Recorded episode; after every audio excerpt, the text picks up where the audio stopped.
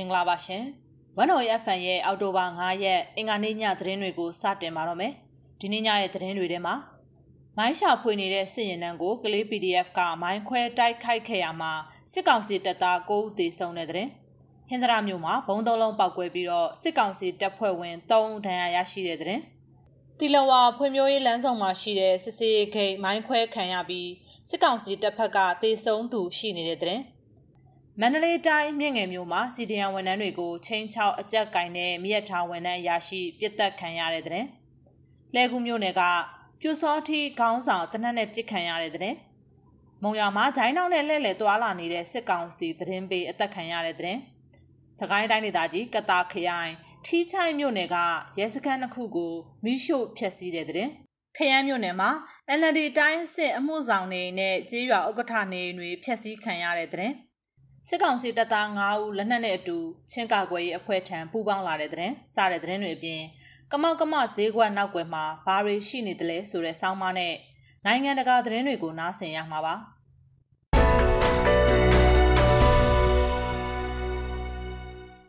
စကိုင်းတိုင်းကလေးမြို့မှာမိုင်းရှာဖွေတဲ့စစ်ကားဆယ်စည်းပါရင်နှန်းကိုကလေးမြို့ပြည်သူ့ကာကွယ်ရေးတပ်ဖွဲ့ PDF ကမိုင်းခွဲတိုက်ခိုက်ခဲ့ရမှာကျန်းဖက်စစ်ကောင်စီတပ်သား9ဦးသေဆုံးပြီးတော့အများအပြားဒဏ်ရာရခဲ့တယ်လို့အောက်တိုဘာ9ရက်နေ့ဒီနေ့မှာကလေး PDF ကသတင်းထုတ်ပြန်ပါတယ်။အောက်တိုဘာ4ရက်နေ့ကစစ်ကောင်စီတပ်သားတွေဟာကလေးမျိုးဘက်ကနေတောင်ပိုင်းဘက်ကိုဥတီမောင်းနှင်လာပြီးတော့ပန်းမွန်ချောင်းတရာကျော်မှာ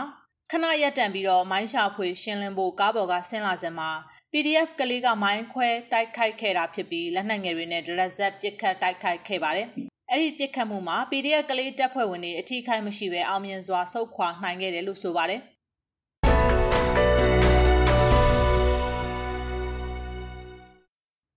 အေယာဝတီတိုင်းဟင်္ဒရာမြို့နယ်ထွေထွေအုပ်ချုပ်ရေးဦးစီးဌာနရုံးရှိမှာအော်တိုဘာ၄ရက်နေ့မနေ့ည9:00နာရီခွဲအချိန်ကဘုံသုံးလုံးဇက်တိုက်ပောက်ကွဲခဲ့ပြီးတော့ စစ်ကောင်စီတပ်ဖွဲ့ဝင်3ဦးထပ်မံထိခိုက်ဒဏ်ရာရခဲ့တယ်လို့ပျောက်ကြားတပ်ဖွဲ့ဝင်တအုပ်ကပြောပါတယ်။ပထမဘုံတစ်လုံးပောက်ကွဲပြီးမှစစ်ကောင်စီတပ်သားတွေရောက်ရှိလာချိန်မှာဒုတိယနဲ့တတိယဘုံတွေဇက်တိုက်ပောက်ကွဲခဲ့တာပါ။ဆိုပါပောက်ကွဲမှုနဲ့ပတ်သက်ပြီးတော့မြဝကျွန်းပေါ်ပျောက်ကြားစစ်စင်ရေးတပ်ပေါင်းစုနဲ့ဟင်္ဒရာမြို့နယ် FTF အဖွဲ့တွေကပူးပေါင်းလှုပ်ဆောင်ခဲ့တာဖြစ်တယ်လို့သိရပါတယ်။ခရနိုင်ခွဲလောက်မှာတလုံးရင်ပေါက်ပါတယ်။စစ်ခွေးတွေရောက်လာတဲ့အချိန်မှာနောက်ထပ်နှလုံးထပ်ပေါက်ပါတယ်။စစ်ခွေး၃ယောက်နဲ့အထက်ဒဏ်ရာရခဲ့တယ်လို့မြဝကျွန်းပေါ် ပျောက်ကြားစစ်စင်ရေးတပ်ပေါင်းစုဖွဲ့ဝင်တို့ကပြောပါတယ်။ပောက်ကွဲမှုဖြစ်စဉ်ပြီးမှစေအုပ်စုက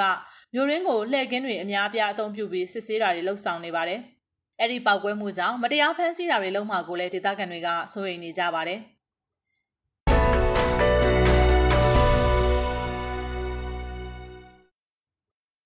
ရန်ကုန်တိုင်းဒေသကြီးတန်လင်းမြို့တီလဝါဖွံ့ဖြိုးရေးလမ်းဆောင်မှာရှိတဲ့စစ်ကောင်စီတပ်ရဲ့စစ်စေးရေးဂိတ်မိုင်းခွဲခံခဲ့ရပြီးစစ်ကောင်စီတပ်သားတဦးသေဆုံးကနှစ်ဦးဒဏ်ရာပြင်းထန်တယ်လို့တန်လင်းပြည်သူ့ကာကွယ်ရေးတပ်ဖွဲ့ထံကသိရပါဗျ။အောက်တိုဘာ9ရက်ဒီနေ့မနက်၈နာရီအချိန်က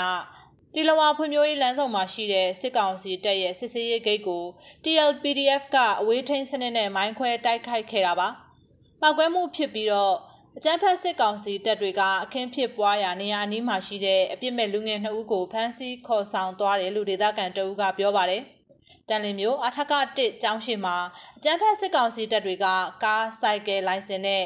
ဆိုင်ကယ်အိုးထုတ်ဝစ်စင်ထားမှုရှိမရှိကိုစစ်ဆေးနေတယ်လို့ဒေသခံတွေကဆိုပါတယ်။ဒီနေ့တန်လင်းမျိုးတွင်မှာအရင်နေ့တွေထက်စစ်ကောင်စီတပ်ကအင်အားတိုးချဲ့ထားပြီး အောင်ချမ်းသာနှစ်ဈေးရှိနဲ့အောင်ချမ်းသာရက်ွက်ရုံးတွေမှာစစ်ကောင်စီအင်အားအများပြားလုံခြုံရေးယူပြီးလမ်းကြောင်းပိတ်ထားတယ်လို့ဒေသခံတွေကပြောပါတယ်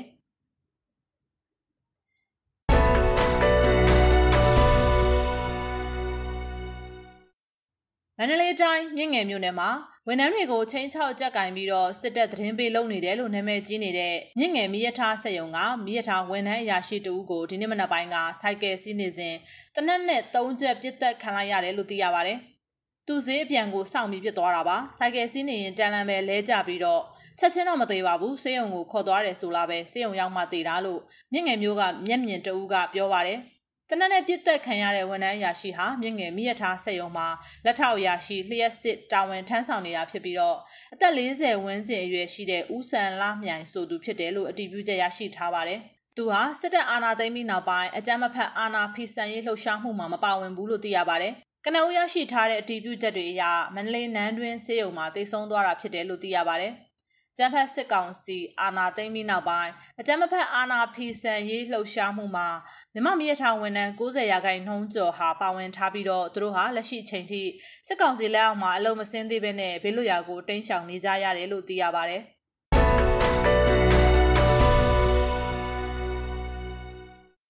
ရန်ကုန်တိုင်းလှဲကူးမြို့နယ်မှာဒေသခံ PDF တွေလာမပစ်သေးဘူးလို့အရက်ထဲမှာကြွေးကြော်နေတတ်တဲ့အသက်40ဝန်းကျင်အရွယ်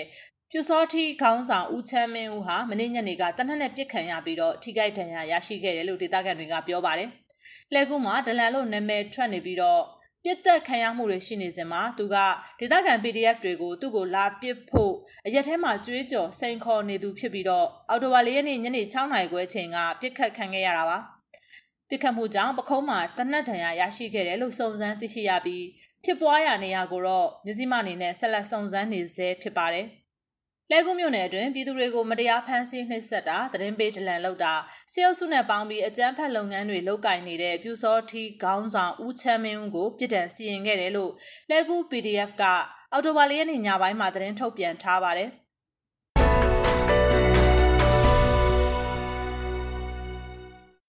စကိုင်းတိုင်းဒေသကြီးမုံရမြို့မှာရှိတဲ့ရက်ကွက်တွေမှာဂျိုင်းတောင်းနဲ့လှည့်လည်သွာလာနေတဲ့စစ်ကောင်စီသတင်းပေးအမျိုးသားတဦးအောက်တိုဘာ9ရက်နေ့ဒီနေ့မနက်အစောပိုင်းကအသက်ခံခဲ့ရတယ်လို့ဒေသခံတွေထံကသိရပါဗျ။ဒလန်နဲ့ပတ်သက်ဖူးတဲ့ဒလန်အကြောင်းကိုသိတဲ့နေကန်တွေနဲ့အဖွဲ့တချို့ကလိုက်အကူညီတောင်းနေတာကြပါပြီ။အမှန်ကပူးပေါင်းဆောင်ရွက်ခဲ့တဲ့မစ်ရှင်တစ်ခုပါ။မြေပြင်ဖွဲ့ကမနက်9နာရီမှာဓပုံနဲ့တကွဒလန်ရှင်းတာအောင်မြင်ကြောင်းသတင်းလှမ်းပို့ပါတယ်။ဝမ်းမိုက်မှာဓာတ်တန်ရနှစ်ချက်နဲ့နေရာမှာပဲတည်သွားတယ်လို့ soft မုံရွာ PDF တာဝန်ရှိသူတူကပြောပါတယ်အသက်ခံခဲ့ရတဲ့စစ်ကောင်စီသတင်းပေးကိုအောင်စိုးဟာပြည်တော်သားရက်ကွက်မှာနေထိုင်သူဖြစ်ပြီးတော့အောက်တိုဘာ9ရက်နေ့မနက်ပိုင်းကမုံရွာမြို့တာစီလန်းနဲ့တိုင်းရင်းဆေးရုံလမ်းတောက်မှာရှိတဲ့လက်ဖေးဆိုင်အနီးမှာဓာတ်နဲ့ထိုးခံရပြီးတော့တေဆုံးသွားတာပါ အသက်ခံခဲ့ရတဲ့မျိုးသားဟာမုံရွာမြို့တာစီလန်းမှာစစ်ကောင်စီတပ်ဖွဲ့ဝင်တွေတက်ဆွဲစဉ်ကစားတောက်စရာတွေပေးပို့ပေးနေသူဖြစ်တယ်လို့ဒေသခံတွေထံကသိရပြီးတော့ဖြစ်စဉ်ဖြစ်ပွားခဲ့တဲ့နေရာကိုအကြမ်းဖက်စစ်ကောင်စီတွေရောက်ရှိပြီးတော့စစ်ဆေးမှုတွေလည်းလုပ်နေတယ်လို့သိရပါတယ်။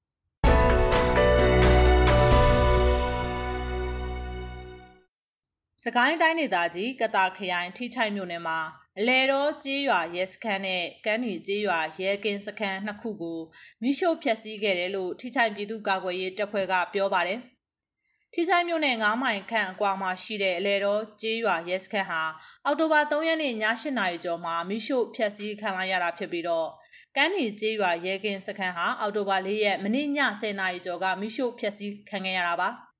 အဲ့ဒီမီရှို့ဖျက်ဆီးခံခဲ့ရတဲ့ရဲစခန်းတစ်ခုမှာနေထိုင်တဲ့စစ်ကောင်စီလက်အောက်ခံရဲတပ်ဖွဲ့ဝင်တွေဟာလွန်ခဲ့တဲ့3လလောက်ကတည်းကစခန်းကိုစွန့်ခွာသွားခဲ့တာဖြစ်ပြီးတော့စခန်းမီရှို့ခံရချိန်မှာဘယ်သူမှရှိမနေဘူးလို့သိရပါတယ်။အော်တိုဝါလေးရက်နေ့မနက်၄နာရီကျော်ချိန်ကလည်းထိချိုင်းမြို့နယ်မြို့ပေါ်ရဲစခန်းကိုလက်နက်ကြီးတွေနဲ့နှစ်ချက်ပစ်ခတ်သတိပေးလိုက်တယ်လို့ထိချိုင်း PDF ကပြောပါတယ်။ ဒါအပြင်ထိချိုက်မြို့နယ်မှာရှိတဲ့အုပ်ချုပ်ရေးမှုအားလုံးစက်တင်ဘာ30ရက်နေ့နောက်ဆုံးထားပြီးနှုတ်ထွက်ပေးဖို့ထိချိုက် PDF ကသတိပေးစာထုတ်ပြန်ပြီးနောက်မှာအုပ်ချုပ်ရေးမှုတွေဟာဆုလိုက်ပြုံလိုက်နှုတ်ထွက်ခဲ့ကြပါတယ်။ကျေးရွာအုပ်စု29ခုရှိပါတယ်။ကြောက်အိုက်နဲ့မိုးဝါကလွဲရင်ကျန်တာထွက်ကုန်ကြပါပြီ။တချို့ကလည်းအသက်ခံရမှကြောက်လို့ထွက်စာတင်ပြီးတော့နောက်ွယ်မှာဆက်လုပ်နေရလို့သတင်းရထားရပါတယ်။ကြောက်အိုက်ဥက္ကဋ္ဌက ကွန်းတုံကလေး6ယောက်အမှုကိုလိုက်ပေးနေလို့ပါဆိုပြီးတော့သတင်းပေးပို့ထားတာရှိတယ်လို့ထိချိုင် PDF တပ်ဖွဲ့ကပြောပါတယ်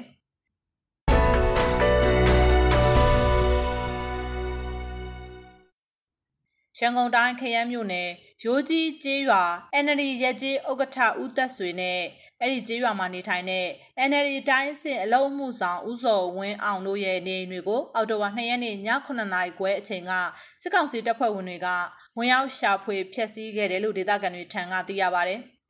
စစ်ကောင်စီတပ်တွေကနေအိမ်တွေကိုတော့ဖြတ်ဝင်ရောက်ပြီးတော့အိမ်ထဲမှာရှိတဲ့ TV ရေခဲသစ်တာမှန်တင်ကုန်စတဲ့ပစ္စည်းတွေကိုဖျက်ဆီးသွားပြီးတော့ဆိုင်ကယ်တစ်စီးကိုယူဆောင်သွားတယ်လို့ဒေသခံတအူးကပြောပါတယ်။နေအိမ်မှာရှိတဲ့တံပိုးကြီးပစ္စည်းတွေကိုဖျက်ဆီးသွားတယ်အဖိုးတန်ပစ္စည်းတွေကိုလည်းယူသွားတယ်လူတွေကတော့ရှောင်နေလို့လွတ်သွားတာပါဆိုင်ကယ်တစ်စီးလည်းပါသွားတယ်ပြောတယ်ပြီးတော့သူတို့တွေ၈နိုင်ခွဲကြော်ကြော်လောက်ကြတော့ပြန်ထွက်သွားကြတယ်လို့ဒေသခံတအူးကမြစည်းမကိုပြောပါတယ်အောက်တိုဘာ၁ရက်နေ့ညပိုင်းကလည်းခရမ်းမြို့ရိုးကြီးကြီးရွာမှာဒူရဲအုပ်တဦးနဲ့ရဲတပ်သားတဦးတနက်နဲ့ပြစ်ခတ်ခံခဲ့ရပြီးရဲတပ်သားဟာမင်္ဂလာတုံစစ်ဆေးရုံမှာအောက်တိုဘာ2ရက်နေ့ကတေဆုံးသွားခဲ့ပါတယ်။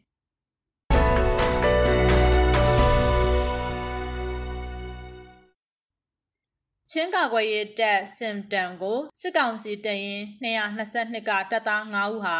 MA1 တနက်နှစ်လက်ကြီးစံတွေနဲ့အတူလာရောက်ပူးပေါင်းခဲ့တယ်လို့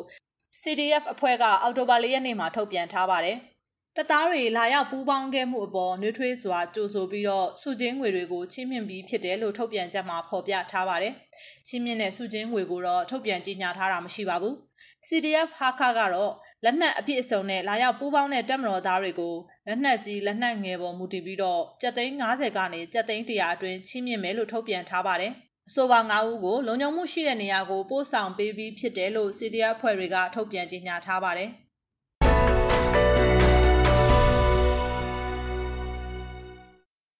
ရခိုင်ပြည်နယ်အတွင်းကမြောက်ဦးရင်ကျေးမှုဒေသအတွင်းကျူးကျော်တွေနေရာတိုးချဲ့နေထိုင်လာမှုတွေကြောင့်ကမ္ဘာရှေးဟောင်းအမွေအနှစ်စီယူနက်ကမ္ဘာရှေးဟောင်းအမွေအနှစ်စဉ် UNESCO ဝင်နိုင်ဖို့စိန်ခေါ်မှုတရက်ဖြစ်လာနေပါတယ်။ မြောက်ဦးမြို့ကမ္ဘာရင်ကျေးမှုအမွေအနှစ်စည်းဝင်ရေးနဲ့မြေပြင်မှာရင်ဆိုင်နေရတဲ့အခက်အခဲတွေအကြောင်းကို နားဆင်ပါရှင်။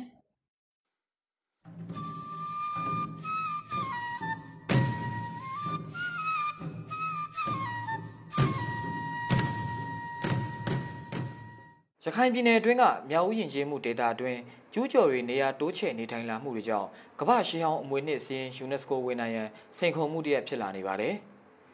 မြောက်ဦးမြို့တွင်လူဦးရေများပြားလာတဲ့အတွက်ကျူးကျော်တွေဝင်ရောက်နေထိုင်လာကြပါတယ်။မြောက်ဦးမြို့ဟာတောင်တွေနဲ့ဝန်းရံထားတဲ့မြို့တစ်မြို့ဖြစ်ပြီးအဲ့ဒီတောင်တွေကိုဖြိုဖျက်ကကျုံးမြေများကိုမြေဖို့လာတာလည်းတွေ့ရှိနေရပါတယ်။ကမ္ဘာရှေးအောင်မွေးနေ့စည်း UNESCO ဝန်ထမ်းရေးအတွက်ကြိုးပမ်းနေကြတဲ့အချိန်မှာမလုတ်တင်တာတွေကိုရှောင်ရှားဖို့မြောက်ဦးရှေးအောင်ယဉ်ကျေးမှုထိမ့်သိမ်းဆောင်ရှောက်ရေးအဖွဲ့ဥက္ကဋ္ဌဒေါက်ခင်တန်းကပြောဆိုထားပါတယ်။အခက်အခဲတွေကတော့အခုကျူးကျော်ပေါ့အဲ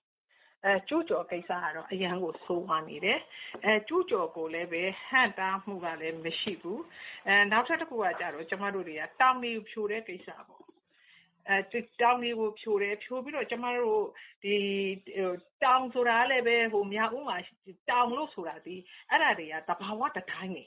မြောက်ဦးကတဘာဝကိုအခြေခံပြီးတည်ဆောက်ထားတဲ့မြို့ပေါ့အဲအဲ့ဒီမှာရှိနေတဲ့တဘာဝတတိုင်းတွေကိုကျမတို့ကကမ္ဘာ့ယဉ်ကျေးမှုအမွေအနှစ်စင်တာကိုကျမတို့ပေးပို့ထားပြီးသားဒါပေမဲ့လာရောက်စစ်တဲ့အချိန်မှာအဲ့ဒါတွေမြင်ရတော့မှာမဟုတ်ဘူးအခုဘူတိုဇာကြီးတွေနဲ့အဲဖြိုလိုက်တာဒီတော်တော်ကိုရရဆက်ဆက်ပဲအဲပြက်ပြိုသွားပြီးတော့မှအဲရေထွက်တဲ့ကျမတို့ရဲ့တောင်တွေကနေပြီးတော့ကျလာတဲ့ရေတွေကိုလှုပ်ထားတဲ့ရေကျုံးတွေပေါ့အဲကျုံးတွေကိုလည်းပဲအခုကအဲ့ဒီတောင်ကမြေတွေဖိုးပလိုက်ပြီးတော့ရေထွက်ပေါက်တွေအလုံးကိုပိတ်ပစ်လိုက်တဲ့အခါကျတော့ကျမတို့ဒီမြောက်ဦးဒီကမ္ဘာ့ရည်ကြီးမှုအမွေနှစ်ကိုဝင်တော့ကကျမတို့ရဲ့အဲမြောက်ဦးရေဝင်ရေထွက်စနစ်တွေအဲရဟန်းကိုကောင်းတယ်အဲနန်းမြို့ကိုကာကွယ်ထားတာဒီအဲရေဝင်ရေထွက်စနစ်ကောင်းလို့ရန်သူတွေကျူးကျော်လို့မရလို့အဲကျမတို့အဲ့ဒီဟာကိုအဓိကထားပြီးတော့မှ focus ထားပြီးရေးထားတာဒီအခုခါမြင်ကွင်းတွေကအရန်ကိုချင်းသွားပြီ အဲအဲ့လိုဖြစ်သွားတယ်အဲဆိုတဲ့အခါကျတော့အဲအဲ့ဒီဟာတွေကိုကာကွယ်ရမယ်တားဆီးရမယ်ဒီတောင်တွေကလည်းပြန်ပြီးကော်နဲ့လက်ကလို့မရတော့ဘူးဆိုတော့မြင်ကွင်းတွေအရန်ချိန်သွားပြီနောက်တူးတော်တွေအရန်များလာတယ် ဒါကတော့အခုလက်ရှိရှိနေတဲ့အနေအထားပေါ့ဟုတ်ကဲ့ဟုတ်ကဲ့ကျမအနေနဲ့တော့ဒါတွေဟာကျမတို့ရဲ့ရည်ကျင်းမှုအမွေနှစ်တွေဖြစ်တယ်ပြန်လဲပြီးဖြိုဖြတ်ပြီးပြန်လဲလဲမရနိုင်တော့တဲ့အတွက်ကြောင့်မလို့ဒါဒီနောက်တစ်ချိန်မှာအဲဒီနေရာမှာတော့ဖြင့်ကျမတို့ဘလို့ကာကွယ်မှုတွေလုပ်ခဲ့တယ်ဒီနေရာမှာတော့ရေတကားတွေတော့ဘလို့လုပ်ခဲ့တယ်အဲဆိုတာတွေကကျမတို့ပြသလို့မရတော့တော့ရည်ကျင်းမှုအမွေနှစ်ကိုအပေးတိုင်ဖြတ်စင်းမှုအနေအထားကိုရောက်လာတယ်ဒါကြောင့်မလို့ဒါတွေကိုမဖြတ်ကြပါနဲ့ဒါတွေကိုဝိုင်းပြီးတော့မှကာကွယ်ထိန်းသိမ်းဆောက်ရှောက်ပေးကြပါလို့ပဲကျွန်မအနေနဲ့မြစ်တာရက်ခံခြင်းရခိုင်ပြည်နယ်ဟာတည်ငြိမ်အေးချမ်းတဲ့နေရာဖြစ်နေသည့်အတွက်မြောက်ဦးမြို့ပေါ်ကိုလည်းလာရောက်နေထိုင်လာကြပါတယ်။ဒါကြောင့်မြို့နေရာနဲ့လူဦးရေမဆန့်တဲ့အတွက်မြို့သစ်စီမံကိန်းလုပ်သင့်ပြီလို့ဒေါခင်တန်းကထောက်ပြပါတယ်။2019ခုနှစ်စက်တင်ဘာလကမြောက်ဦးမြို့ယဉ်ကျေးမှုအမွေနှစ်စုံကို UNESCO ကမ္ဘာယဉ်ကျေးမှုအမွေနှစ်မူချမ်းတင်ပြခဲ့ပြီး2020ဖေဖော်ဝါရီလမှာအပိသက်တင်ပြဖို့စီစဉ်ခဲ့တာဖြစ်ပါတယ်။ ဒါပေမဲ့လည်းရခိုင်ပြည်နယ်အတွင်းဖြစ်ပွားခဲ့တဲ့တိုက်ပွဲတွေကြောင့်တစ်နှစ်နောက်ဆုတ်ခဲ့ရပြီး2021ခုနှစ်စက်တင်ဘာလအတွင်းမူချမ်းကိုပေးပို့ထားပါတယ်။2022ခုနှစ်ဇန်နဝါရီလမှာလည်းနောက်ချောတက်ကိုပေးပို့မှာလည်းဖြစ်ပါတယ်။2022ခုနှစ်စက်တင်ဘာလမှာကမ္ဘာယဉ်ကျေးမှုစင်တာမှလာရောက်စစ်ဆေးသွားမှာလို့သိရပြီး2023ခုနှစ်ဇူလိုင်လမှာကျင်းပမဲ့ကမ္ဘာယဉ်ကျေးမှုအမွေနှစ်ညီလာခံမှာမြောက်ဦးကိုထည့်သွင်းတင်မတင်ဆုံးဖြတ်သွားမှာလို့သိရပါတယ်။အခုလိုမြောက်ဦးမြို့အတွင်းကျူးကျော်နေအိမ်များဆောက်လုပ်နေကြတဲ့အပေါ် တာဝန်ရှိအစိုးရတွေကောင်းကောင်းမွန်မွန်စီမံခန့်ခွဲရန်လိုအပ်တယ်လို့မြောက်ဦးမြို့ဒေသခံကိုစောထွန်းကထောက်ပြပြောဆိုပါတယ်။လက်ရှိမှာဆိုရင်ကျွန်တော်တို့ကျုံးတွေရှိတယ်ဗျဥပမာအဲပန်းစင်းမြောင်းကျုံအဲကြောက်ရိုက်ကေမှာဆိုရင်ကြောက်ရိုက်ကေမှာဆိုလို့ရှိရင်လည်းတောင်ရွှေကျုံဆိုတာရှိတယ်ပေါ့လေအဲ့ဒီကျုံတွေဆိုလို့ရှိရင်ဒီနှစ်ပိုင်းအတိုးတွင်းမှာအများကြီးကျူးကျော်တယ်အများကြီးဖြစ်သွားကြတာပေါ့ ဘာလို့ဆိုရင်သူတို့ကလူတွေကလည်းပွေးလန်းတုံးဖြာခင်းလို့ပေါ့ဗျာတိုင်းပြည်ကလည်းစုညံနေတဲ့အခါစစ်ပွဲတွေဖြစ်အခြားသောပဋိပက္ခတွေလည်းအများကြီးဖြစ်တဲ့အခါကျတော့လူတွေကလည်းအဲ့ဒါကိုခွင့်ကောင်းယူပြီးတော့မှသူတို့အဲတရားဥပဒေစိုးမိုးမှုမရှိတဲ့အခါသူတို့လိုချင်တာလေးတွေကိုရတဲ့နည်းနဲ့စ조사ကြတာပေါ့လေအခုနအိမ်ကျူးတာရှိတယ်ဆိုင်တွေကျူးတာရှိတယ်နောက်တစ်ခါကျွန်တော်တို့တောင်တွေကိုမြေဖြိုတာရှိတယ်အဲ့လိုမျိုးလေးတွေအဲလုတ်တဲ့ခါကျတော့ မြောက်ဦးရဲ့ခံတဲ့စနစ်မှာ အဓိကသွားထိခိုက်တာပေါ့ဗျာ ဥပမာအဲကျုံးမှာကျုံးမှာ အဆောက်အဦတစ်ခု တိုးရှိထားလို့အဲဟိုဖျားပထိုးတွေ အဆောက်အဦတွေက ဘာမှမဖြစ်ပင်မလို့ဒီခံတဲ့စနစ်မှာသွားပြီးတော့ အဲ့ဒီဟို landscape ပေါ့လေ ခံတဲ့စနစ်ကို မြင်နိုင်တဲ့ landscape ရေသွားရေလာနိုင်တဲ့ ရေထွက်မြောင်းတွေကအစ အကုန်လုံး အဲ့ဒီမှာ ပျက်စီးသွားကြတာပေါ့ဗျာ ဆိုတော့ အဲ့ဒီမှာက လူဦးရေတိုးလာတယ်လို့ပြောတာကကဘာကြီးမှာကတော့ လူဦးရေကတစ်နေ့နဲ့တခြား စက္ကန့်နဲ့ မိနစ်တိုင်းမှာ လူဦးရေတိုးနေတာပါပဲ ဒါပေမဲ့ တာဝန်ရှိတဲ့အစိုးရတွေက well manage ပို့ဗျာ well manage လုပ်ဖို့လိုတာပေါ့ ကောင်းကောင်းမွန်မွန် စီမံခန့်ခွဲနိုင်ဖို့ လိုတာပေါ့ ပြည်သူတွေမှာကတော့ဟိုစင်းစင်းရေးနေဗျာ တနေ့လုံးတနေ့စားရတဲ့ အခြေအနေ လူတွေက အရင်ဆင်းရလာကြတဲ့အခါမှာကျတော့ အမွေနှစ်တွေရဲ့ တန်ဖိုးတွေအဲ ဒါဒါကိုလှုပ်လိုက်ရင်တော့ ဒီအကျိုးဆက်တွေရှိလာမယ်ဆိုတာကို စဉ်းစားနေဖို့အတွက် တနေ့တနေ့ကိုဘလို့ရှင်တန်ရမလဲအဲဘဝကိုဘလို့ဖြတ်ကျော်ရမလဲဆိုတာပဲ စဉ်းစားနေတဲ့အခါကျတော့ အဓိက ပြည်သူတွေကို အပြစ်ပြောဖို့ထက်ကတော့ ဒီတာဝန်ရှိတဲ့အစိုးရတွေရဲ့ဟိုစီမံခန့်ခွဲမှုကိုပဲ ကျွန်တော်တို့ အဓိက ပြောရမှာဖြစ်ပါတယ်။မြောက်ဦးမြို့ဟာ ရခိုင်လူမျိုးတွေရဲ့ အလေးမြတ်ထားရတဲ့ မြို့တစ်မြို့ဖြစ်ပါတယ်။ရခိုင်ပြည်နယ်အတွင်း နိုင်ငံခြားခီးသွားများ အများဆုံး လာရောက်လည်ပတ်တဲ့ မြို့တစ်မြို့လည်း ဖြစ်ပါတယ်။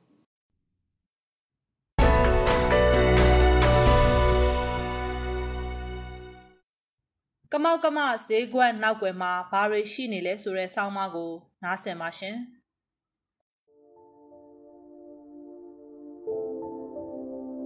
ဒီကနေ့မြန်မာနိုင်ငံကပြည်တွင်းငွေဈေးနှုန်းဇက်တိုက်ဆိုသလိုကျဆင်းနေပြီး American Dollar ဈေးနဲ့ထိုင်းဘတ်ဈေးဟာတရိပ်ရိပ်တက်နေပါတယ်။စေအုပ်စုအာဏာသိမ်းပြီးနောက်ပိုင်းနိုင်ငံရေးမတည်ငြိမ်မှုနောက်ဆက်တွဲကြောင့်လို့သုံးသက်သူတွေလည်းရှိသလိုနိုင်ငံစီးပွားကျဆင်းလာမှုကြောင့်လို့လည်းပြောဆိုမှုတွေရှိပါတယ်။ ဒီလိုပြောဆိုမှုဟာယုတ်တိကျတဲ့စဉ်းစားသုံးသပ်မှုချင်းကပ်မှုလို့ဆိုရမှာဖြစ်ပါတယ်။တချို့ကလည်းပြည်ရင်းထုတ်ကုန်မရှိဘဲပြည်ပသွင်းကုန်ကိုမှီခိုနေရတာကြောင့်လို့ဆိုသူတွေလည်းရှိပြန်ပါတယ်။ဒါလည်းမှန်ပါတယ်။ဒါပေမဲ့ထည့်သွင်းစဉ်းစားရမယ့်အချက်တွေကဒီလောက်ပဲရှိသလားဆိုတာကိုမေးခွန်းထုတ်ရမှာဖြစ်ပါတယ်။ဘာကြောင့်လဲဆိုရင်စေအုပ်စုလက်အောက်ခံဗဟိုဘဏ်ကတန်းနဲ့ချီတဲ့ဒေါ်လာငွေတွေကိုဈေးကွက်ထဲဇက်တိုက်ထည့်နေပေမဲ့ဘာကြောင့်ဒေါ်လာဈေးနှုန်းတွေတက်နေရတာလဲ။ အဲ့ဒီနီတူနေဆက်နိုင်ငံဖြစ်တဲ့ထိုင်းဘတ်ငွေစည်းဟာလည်းအရင်ကထိုင်းတစ်ပတ်ကိုကျပ်40ကျော်ခန့်ကနေအခုဆိုရင်80ကျပ်အထိထိုးတက်လာတာလဲဆိုတာကိုစမ်းစစ်ဖို့လိုပါတယ်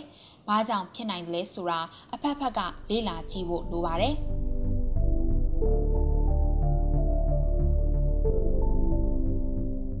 နိုင်ငံရေးမတည်ငြိမ်မှုဟာစီးပွားရေးပေါ်ဓာတ်ရိုက်အကျိုးသက်ရောက်မှုရှိတယ်ဆိုတာအားလုံးလိုလိုကနားလည်ထားပြီးသားပါ။ စီးပွားရေးတိုးတက်မှုနဲ့နိုင်ငံရေးတည်ငြိမ်မှုဟာနက်နက်ရှိုင်းရှိုင်းကိုဆက်သွယ်နေပါတယ်။မတည်ငြိမ်တဲ့နိုင်ငံရေးပတ်ဝန်းကျင်ဟာရင်းနှီးမြှုပ်နှံမှုနဲ့စီးပွားရေးဖွံ့ဖြိုးတိုးတက်မှုအရှိန်ကိုလျော့ကျစေပါတယ်။နိုင်ငံရေးမတည်ငြိမ်မှုကပဲနိုင်ငံစီးပွားတိုးတက်မှုကိုအားနည်းစေပြီးအစိုးရပြိုလဲခြင်းနဲ့နိုင်ငံရေးမတည်ငြိမ်မှုကိုပြန်ဖြစ်စေပါတယ်။ နိုင်ငံရေးတည်ငြိမ်မှုဟာလူသမိုင်းဖြစ်စဉ်တစ်ခုလုံးအတွက်စံသတ်မှတ်ချက်မဟုတ်ခဲ့ပေမဲ့နိုင်ငံမှာပဋိပက္ခနဲ့အာဏာရှင်ဆန်တဲ့ပြောင်းလဲမှုတွေအတွက်စိတ်ပူပင်နေစရာမလိုဘူးဆိုရင်နိုင်ငံသားတွေဟာအလုတ်ပေါ်မှာအာရုံစိုက်နိုင်တာစုဆောင်းနိုင်တာရင်းနှီးမြှုပ်နှံတာတွေကိုကောင်းကောင်းကြီးလှုပ်ဆောင်နိုင်ပါတယ်။ဒါပေမဲ့ဒါတွေနဲ့ပြောင်းပြန်နိုင်ငံရေးမတည်ငြိမ်မှုတွေဟာလူတွေရဲ့အလောက်ကိုင်းပြက်လာတာစုဆောင်းမှုအတွက်မလုပ်နိုင်တော့တာ ရင်းနှီးမြှုပ်နှံမှုလုပ်ဖို့အခင်းအကျင်းသစ်တွေမရှိနိုင်တော့တဲ့အခါနိုင်ငံစည်းဝါးကျဆင်းလေးရှိပါတယ်။နိုင်ငံစည်းဝါးကျဆင်းလာပြီဆိုရင် နောက်ဆက်တွဲငွေကြေးဖောင်းပွားမှုတွေမြင့်မားလာသလိုပြည်တွင်းသုံးငွေတန်ဖိုးဟာလည်းတရိပ်ရိပ်ကျဆင်းလာတတ်ပါတယ်။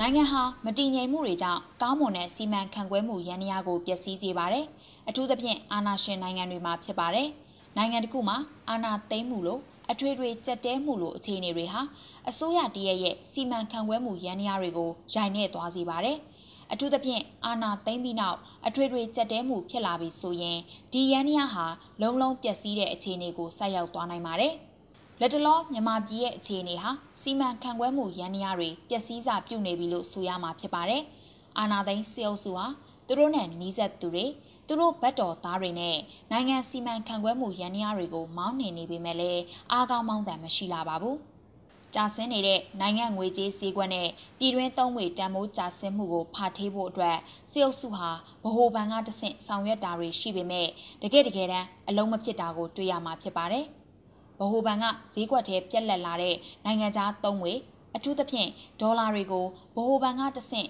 ဈေးကွက်ထဲထည့်ပေးနေပေမဲ့လန်ခုလက်တင်ပျောက်ဆုံးကုန်ပြီးဈေးကွက်ထဲမရောက်ဘဲဖြစ်နေပါတယ်။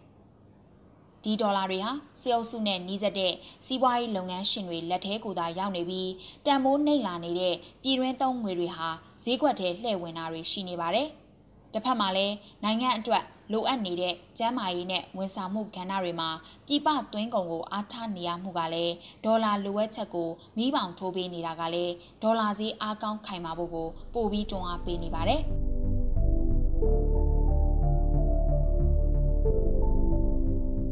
ဒီကနေ့ဆရာနာရှင်စနစ်အပိတိုင်ရက်ဆိုင်ရေးຫນွေဦးတော်လိုင်းရေးဟာငင်းကျစွာဆန္ဒထုတ်ဖော်မှုကနေလက်နက်ကင်အဆင့်အထိတက်လာပြီးဖြစ်ပါတယ်။ NLD ခေါင်းဆောင်တဲ့အမျိုးသားညီညွတ်ရေးအစိုးရ NUG ကလည်းပြည်သူ့ကာကွယ်ရေးတပ်မတော် PDF ကိုဖွဲ့စည်းလိုက်ပြီးဖြစ်ပါတယ်။အဲ့ဒီနီတူ NUG PDF နဲ့မဆက်ဆက်တဲ့ဒေသအလိုက်ပြည်သူ့ကာကွယ်ရေးတပ်ဖွဲ့တွေကလည်းလက်နက်ကင်တော်လှန်နေကြပါပြီ။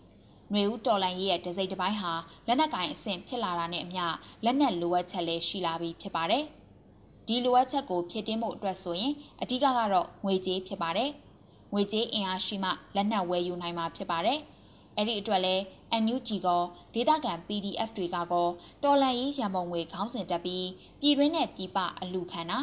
ငွေဦးထီရောင်းပြီးငွေရှာရတာတွေရှိလာတာဖြစ်ပါတယ်။ငွေကြေးမရှိဘူးဆိုရင်လက်နက်ကင်တော်လန်ရေးဟာတင်းတက်ခံထားရတဲ့တစ်ပင်လိုတရွေ့ရွေ့အာဟာရပြတ်ပြီးတည်ဆုံးကုန်မှာဖြစ်ပါတယ်။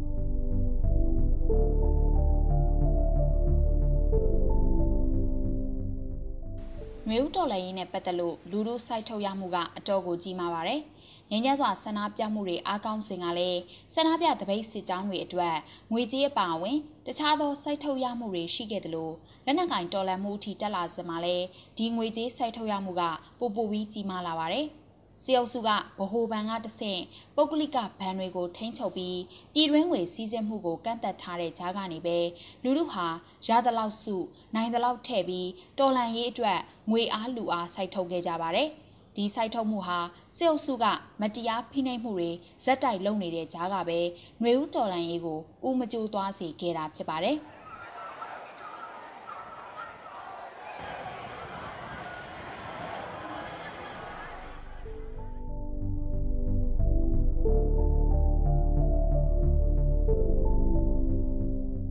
အထက်မှာပြောခဲ့သလိုလက်နက်ကင်တော်လန်မှုအတွက်အဓိကလိုအပ်ချက်ဟာငွေကြေးဖြစ်ပါတယ်။တော်လန်ရေးအင်အားစုတွေဟာလက်နက်ကင်တော်လန်ရေးအတွက်လက်နက်လိုအပ်ချက်ကိုဖြည့်ရှင်းဖို့မှောင်ခိုဈေးကွက်ကိုသာအားကိုးရတာဖြစ်ပါတယ်။ဒီမှောင်ခိုဈေးကွက်မှာပြည်တွင်းသုံးကျပ်ငွေနဲ့ဆိုရင်အတူတစ်ချောင်းတောင်ဝယ်လို့မရပါဘူး။ မျိုးဦးတော်လန်ရေးကိုကူညီနေတဲ့ပြည်သူအပါအဝင်တခြားသောပြည်တွင်းကအင်အားစုတွေလက်ထဲမှာအလှငွေထောက်ပံ့ငွေကူညီငွေစသဖြင့်ခေါင်းစဉ်မျိုးစုံနဲ့ဝင်လာနေတဲ့တော်လန်ရေးအတွက်ထည့်ဝင်မှုဟာအများအပြားပြည်တွင်းသုံးကျပ်ငွေတွေဖြစ်နေတတ်ပါတယ်။ဒါကြောင့်မှောင်ခိုဈေးကွက်မှာအသုံးပြုဖို့ဆိုရင်ဒေါ်လာ၊ထိုင်းဘတ်၊ရွှေစတာတွေနဲ့ပြန်ပြီးဖလှယ်ရလေးရှိပါတယ်။မှောင်ခိုဈေးကွက်မှာနောက်ထပ်အသုံးပြုတာကမူရစ်ဆေးဝါးအထူးသဖြင့်ဘိန်းပါ။ ဒါပေမဲ့ NUG နဲ့မျိုးဦးတော်လိုင်းရေးအင်အားစုတွေဟာဒီမူရဈေးဝါကိုငွေကြေးတန်ဖိုးတစ်ခုသတ်မှတ်ပြီးလက်နက်ဝယ်ယူမှုမပြုလုပ်နိုင်ပါဘူး။ဒီအချက်ကလည်းငွေဦးတော်လိုင်းရေးအတွက်ငွေကြေးဖလှယ်ရေးလုပ်ငန်းစဉ်မှာအထိနာစေတဲ့တစ်ချက်ဖြစ်ပါတယ်။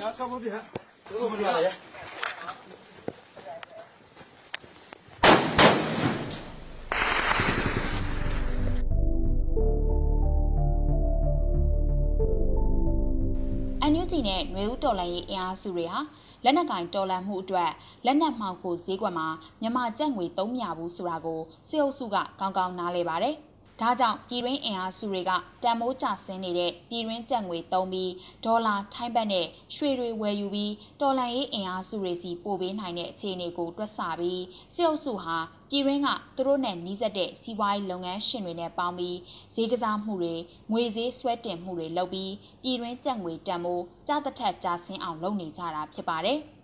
ပြည်တွင်းအင်အားစုတွေအဓိကကင်ဆောင်ထားတဲ့ပြည်တွင်းငွေဈေးပိုကျဆင်းလာသလိုမှောင်ခိုဈေးကွက်လိုအပ်ချက်အရဖလှယ်မှုကိုငွေကြေးမဖြစ်မနေလုပ်ရတဲ့အခါပြည်သူတွေရဲ့စိုက်ထုတ်ရမှုဟာထိရောက်တဲ့လောက်မထိရောက်ပဲဖြစ်ကုန်တာဖြစ်ပါတယ်။တနည်းပြောရရင် အရင်ကတနက်တက်လက်ကိုမြန်မာငွေဈေးနဲ့330လောက်ရနိုင်ပေမဲ့အခုလိုမျိုးစစ်အုပ်စုကငွေကြေးဈေးကွက်ကိုကမောက်ကမဖြစ်အောင်လုပ်ပြီးပြည်တွင်းငွေဈေးတန်မိုးမဲ့အောင်လုပ်လိုက်တဲ့အတွက်တနက်ရဲ့တန်မိုးဟာ350လောက်အထိဖြစ်ကုန်တာမျိုးဖြစ်ပါတယ်။ဒီလိုချင်းကပ်မှုကြောင့်လဲဒေါ်လာထိုင်းဘတ်ဈေးနဲ့ရွှေဈေးတွေကို ကမောက်ကမဖြစ်အောင်လုပ်ပြီးတော်လန်သောအင်အားစုတွေစီစီးဝင်နေတဲ့ပြည်တွင်းအင်အားစုတွေရဲ့ပံ့ပိုးမှုအထူးသဖြင့်ငွေကြေးပံ့ပိုးမှုကိုတန်ဖိုးမရှိတော့အောင်လှုံ့ဆော်နေတာဖြစ်ပါတယ်။မြန်မာပြည်ရဲ့နိုင်ငံငွေကြေးဈေးကွက်နဲ့ရွှေဈေးကွက်ဟာနိုင်ငံတကာဈေးကွက်တွေကိုအမိတဟဲပြုတ်နေတာမဟုတ်ပါဘူး။တီးကြရက်တီမှုတွေလဲပတ်နေတဲ့ဈေးကွက်တွေဖြစ်ပါတယ်။စီအုပ်စုဟာရွှေဈေးတက်လို့ဒေါ်လာနဲ့ထိုင်းဘတ်ဈေးတက်လို့ဆိုပြီး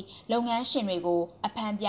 ဈေးကွက်ထဲပစ္စည်းထက်ထဲတဲ့နီးနဲ့ကုရှင်ခံပြနေပေမဲ့လည်းဒီကနေ့အထိတရိပ်ရိပ်တက်နေစေဖြစ်တာကိုကြည့်ရင်ဒါဟာစစ်အုပ်စုလက်ချက်မကင်းဘူးဆိုတဲ့အချက်ကိုသက်သေပြနေတာဖြစ်ပါတယ်။စစ်အုပ်စုဟာနိုင်ငံရေးမတည်ငြိမ်မှုစီးပွားရေးချွတ်ချုံကြမှုတွေဟာသူတို့ကိုမထိခိုက်ဘူးလို့တွက်ဆထားသူတွေဖြစ်ပါတယ်။နိုင်ငံစီးပွားပြတ်သွားမယ်နိုင်ငံငွေတန်ဖိုးကျဆင်းသွားမယ်ဆိုတာတွေကိုနိုင်ငံအတွက်ထည့်သွင်းစဉ်းစားသူတွေလည်းမဟုတ်ပါဘူး။ သူတို့စဉ်းစားထားတာက အာနာဆက်လက်ကင်ဆွဲထားရေးနဲ့တော်လန်ရေးအင်အားစုတွေခေါင်းမထောင်လာနိုင်ရေးဖြစ်ပါတယ်။အဲ့ဒီအတွက်လဲဘသူသေးသေးငတေမာရင်ပြီးရောဆိုတဲ့မူနဲ့နိုင်ငံကိုလက်နက်နဲ့ထိန်းချုပ်နေတဲ့အပြင်နိုင်ငံစီးပွားအပြတ်ခံပြီးလူမှုဘဝတွေအပြတ်ခံပြီးထင်နိုင်ကျဲလှုပ်ချင်ရလုပ်နေတာဖြစ်ပါတယ်။နောင်ကိုလည်းဆက်လုပ်နေအောင်မှာဖြစ်ပါတယ်။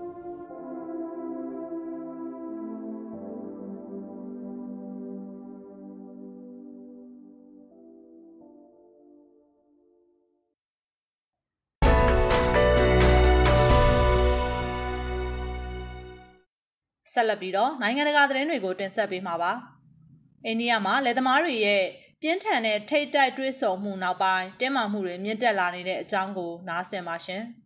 ။ဆန္ဒပြလယ်သမား9ဦးထက်မနည်းသေဆုံးခဲ့တဲ့ထိတ်တိုက်တွဲဆုံမှုတွေဖြစ်ပွားအပြီးတင်းမာမှုတွေမြင့်တက်လာတဲ့အခြေအနေမှာအော်တိုဘာလ၄ရက်တနင်္လာနေ့ကရဲကားတစ်စီးကိုဆန္ဒပြသူတွေကမီးတင်ရှို့လိုက်ပါတယ်။ဥတာပရာဒက်ရှ်ပြည်နယ်အတွင်းတနင်္ဂနွေနေ့ကဖြစ်ရဟာ စိုက်ပျိုးမြေပြုပြင်ပြောင်းလဲရေးအပေါ်အိန္ဒိယမြောက်ပိုင်းလယ်သမားတွေရဲ့တနစ်ကျော်ရှိပြီဖြစ်တဲ့စံကျင်ဆန္ဒပြမှုအတွင်းအများဆုံးလူသေဆုံးခဲ့တာဖြစ်ပါတယ်။သူ့ရဲ့သားနဲ့ပြည်내ဒုတိယဝန်ကြီးချုပ်တို့ပါလိုက်ပါလာတဲ့အစိုးရဝန်ကြီးတို့ရဲ့ရင်တန်းတစ်ခုကြောင့်ဆန္ဒပြပွဲတစ်ခုအတွင်းကလူလေးဦးသေဆုံးခဲ့ရတယ်လို့လယ်သမားတွေကဆိုပါတယ်။ဆန္ဒပြသမားတို့ကရိုက်နှက်ခဲ့တဲ့အတွက်ရင်ပေါင်းကရင်ကိုမထိန်နိုင်တော့ဘဲအခုလိုဖြစ်ရတယ်လို့ဝန်ကြီးကဆိုပါတယ်။ ဒေါသထွက်နေတဲ့ဆန္ဒပြသူတွေကကားအများပြားကိုမီးတင်ရှို့ခဲ့ပြီး BJP ပါတီကိုထောက်ခံသူ၄ဦးအပါအဝင်လူ၅ဦးသေဆုံးခဲ့ပါတယ်။တနင်္လာနေ့ကဆန္ဒပြသူတွေဟာသေဆုံးသူလက်သမား၄ဦးရဲ့အလောင်းကိုမှန်ခေါင်းတွေနဲ့ထည့်ပြီး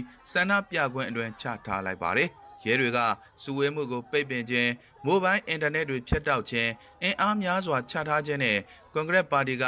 ပရီယန်ကာဂန်ဒီအပါအဝင် အတိုက်အခံများစွာကိုအခင်းဖြစ်ရာသို့တွားရလမ်းမှာဖ မ်းဆီးထိန်းသိမ်းခဲ့ပါတယ်။ပြည်내မြို့တော်လက်နောင်းမှာတော့ပြည်내ကွန်ဂရက်ဥက္ကဋ္ဌအခီလက်ယာဒက်ကိုသူ့ရဲ့အိမ်အပြင်မှာရဲတားစမောင်းများစွာကဝိုင်းရန်ဖမ်းဆီးခဲ့ပါတယ်။အတိုက်ခံပါတီထောက်ခံသူဒါဇင်မောင်းများစွာဟာမြို့အတွင်းမှာလှည့်လည်ဆန္ဒပြခဲ့ပြီးအ ਨੇ ဆုံးရဲကားတစ်စီးကိုမီးတင်ရှို့ခဲ့တာကိုရုပ်သံတွေမှာတွေ့မြင်ရပါတယ်။အတိုက်ခံပါတီတွေကကြီးမှုတဲ့ဆန္ဒပြပွဲတွေကိုနယူးဒေလီနဲ့ဘန်ဂလောမြို့တွေမှာလည်းပြုလုပ်ခဲ့ကြပါတယ်။ အိန္ဒိယလူဦးရေ1.3ဘီလီယံရဲ့3ပုံ2ပုံအသက်မွေးဝမ်းကြောင်းပြုတဲ့လေယာစိုက်ပျိုးရေးကဏ္ဍဟာကာလတာရှည်နိုင်ငံရေးတပ်ကွင်းတစ်ခုလိုဖြစ်နေခဲ့ပါတယ်။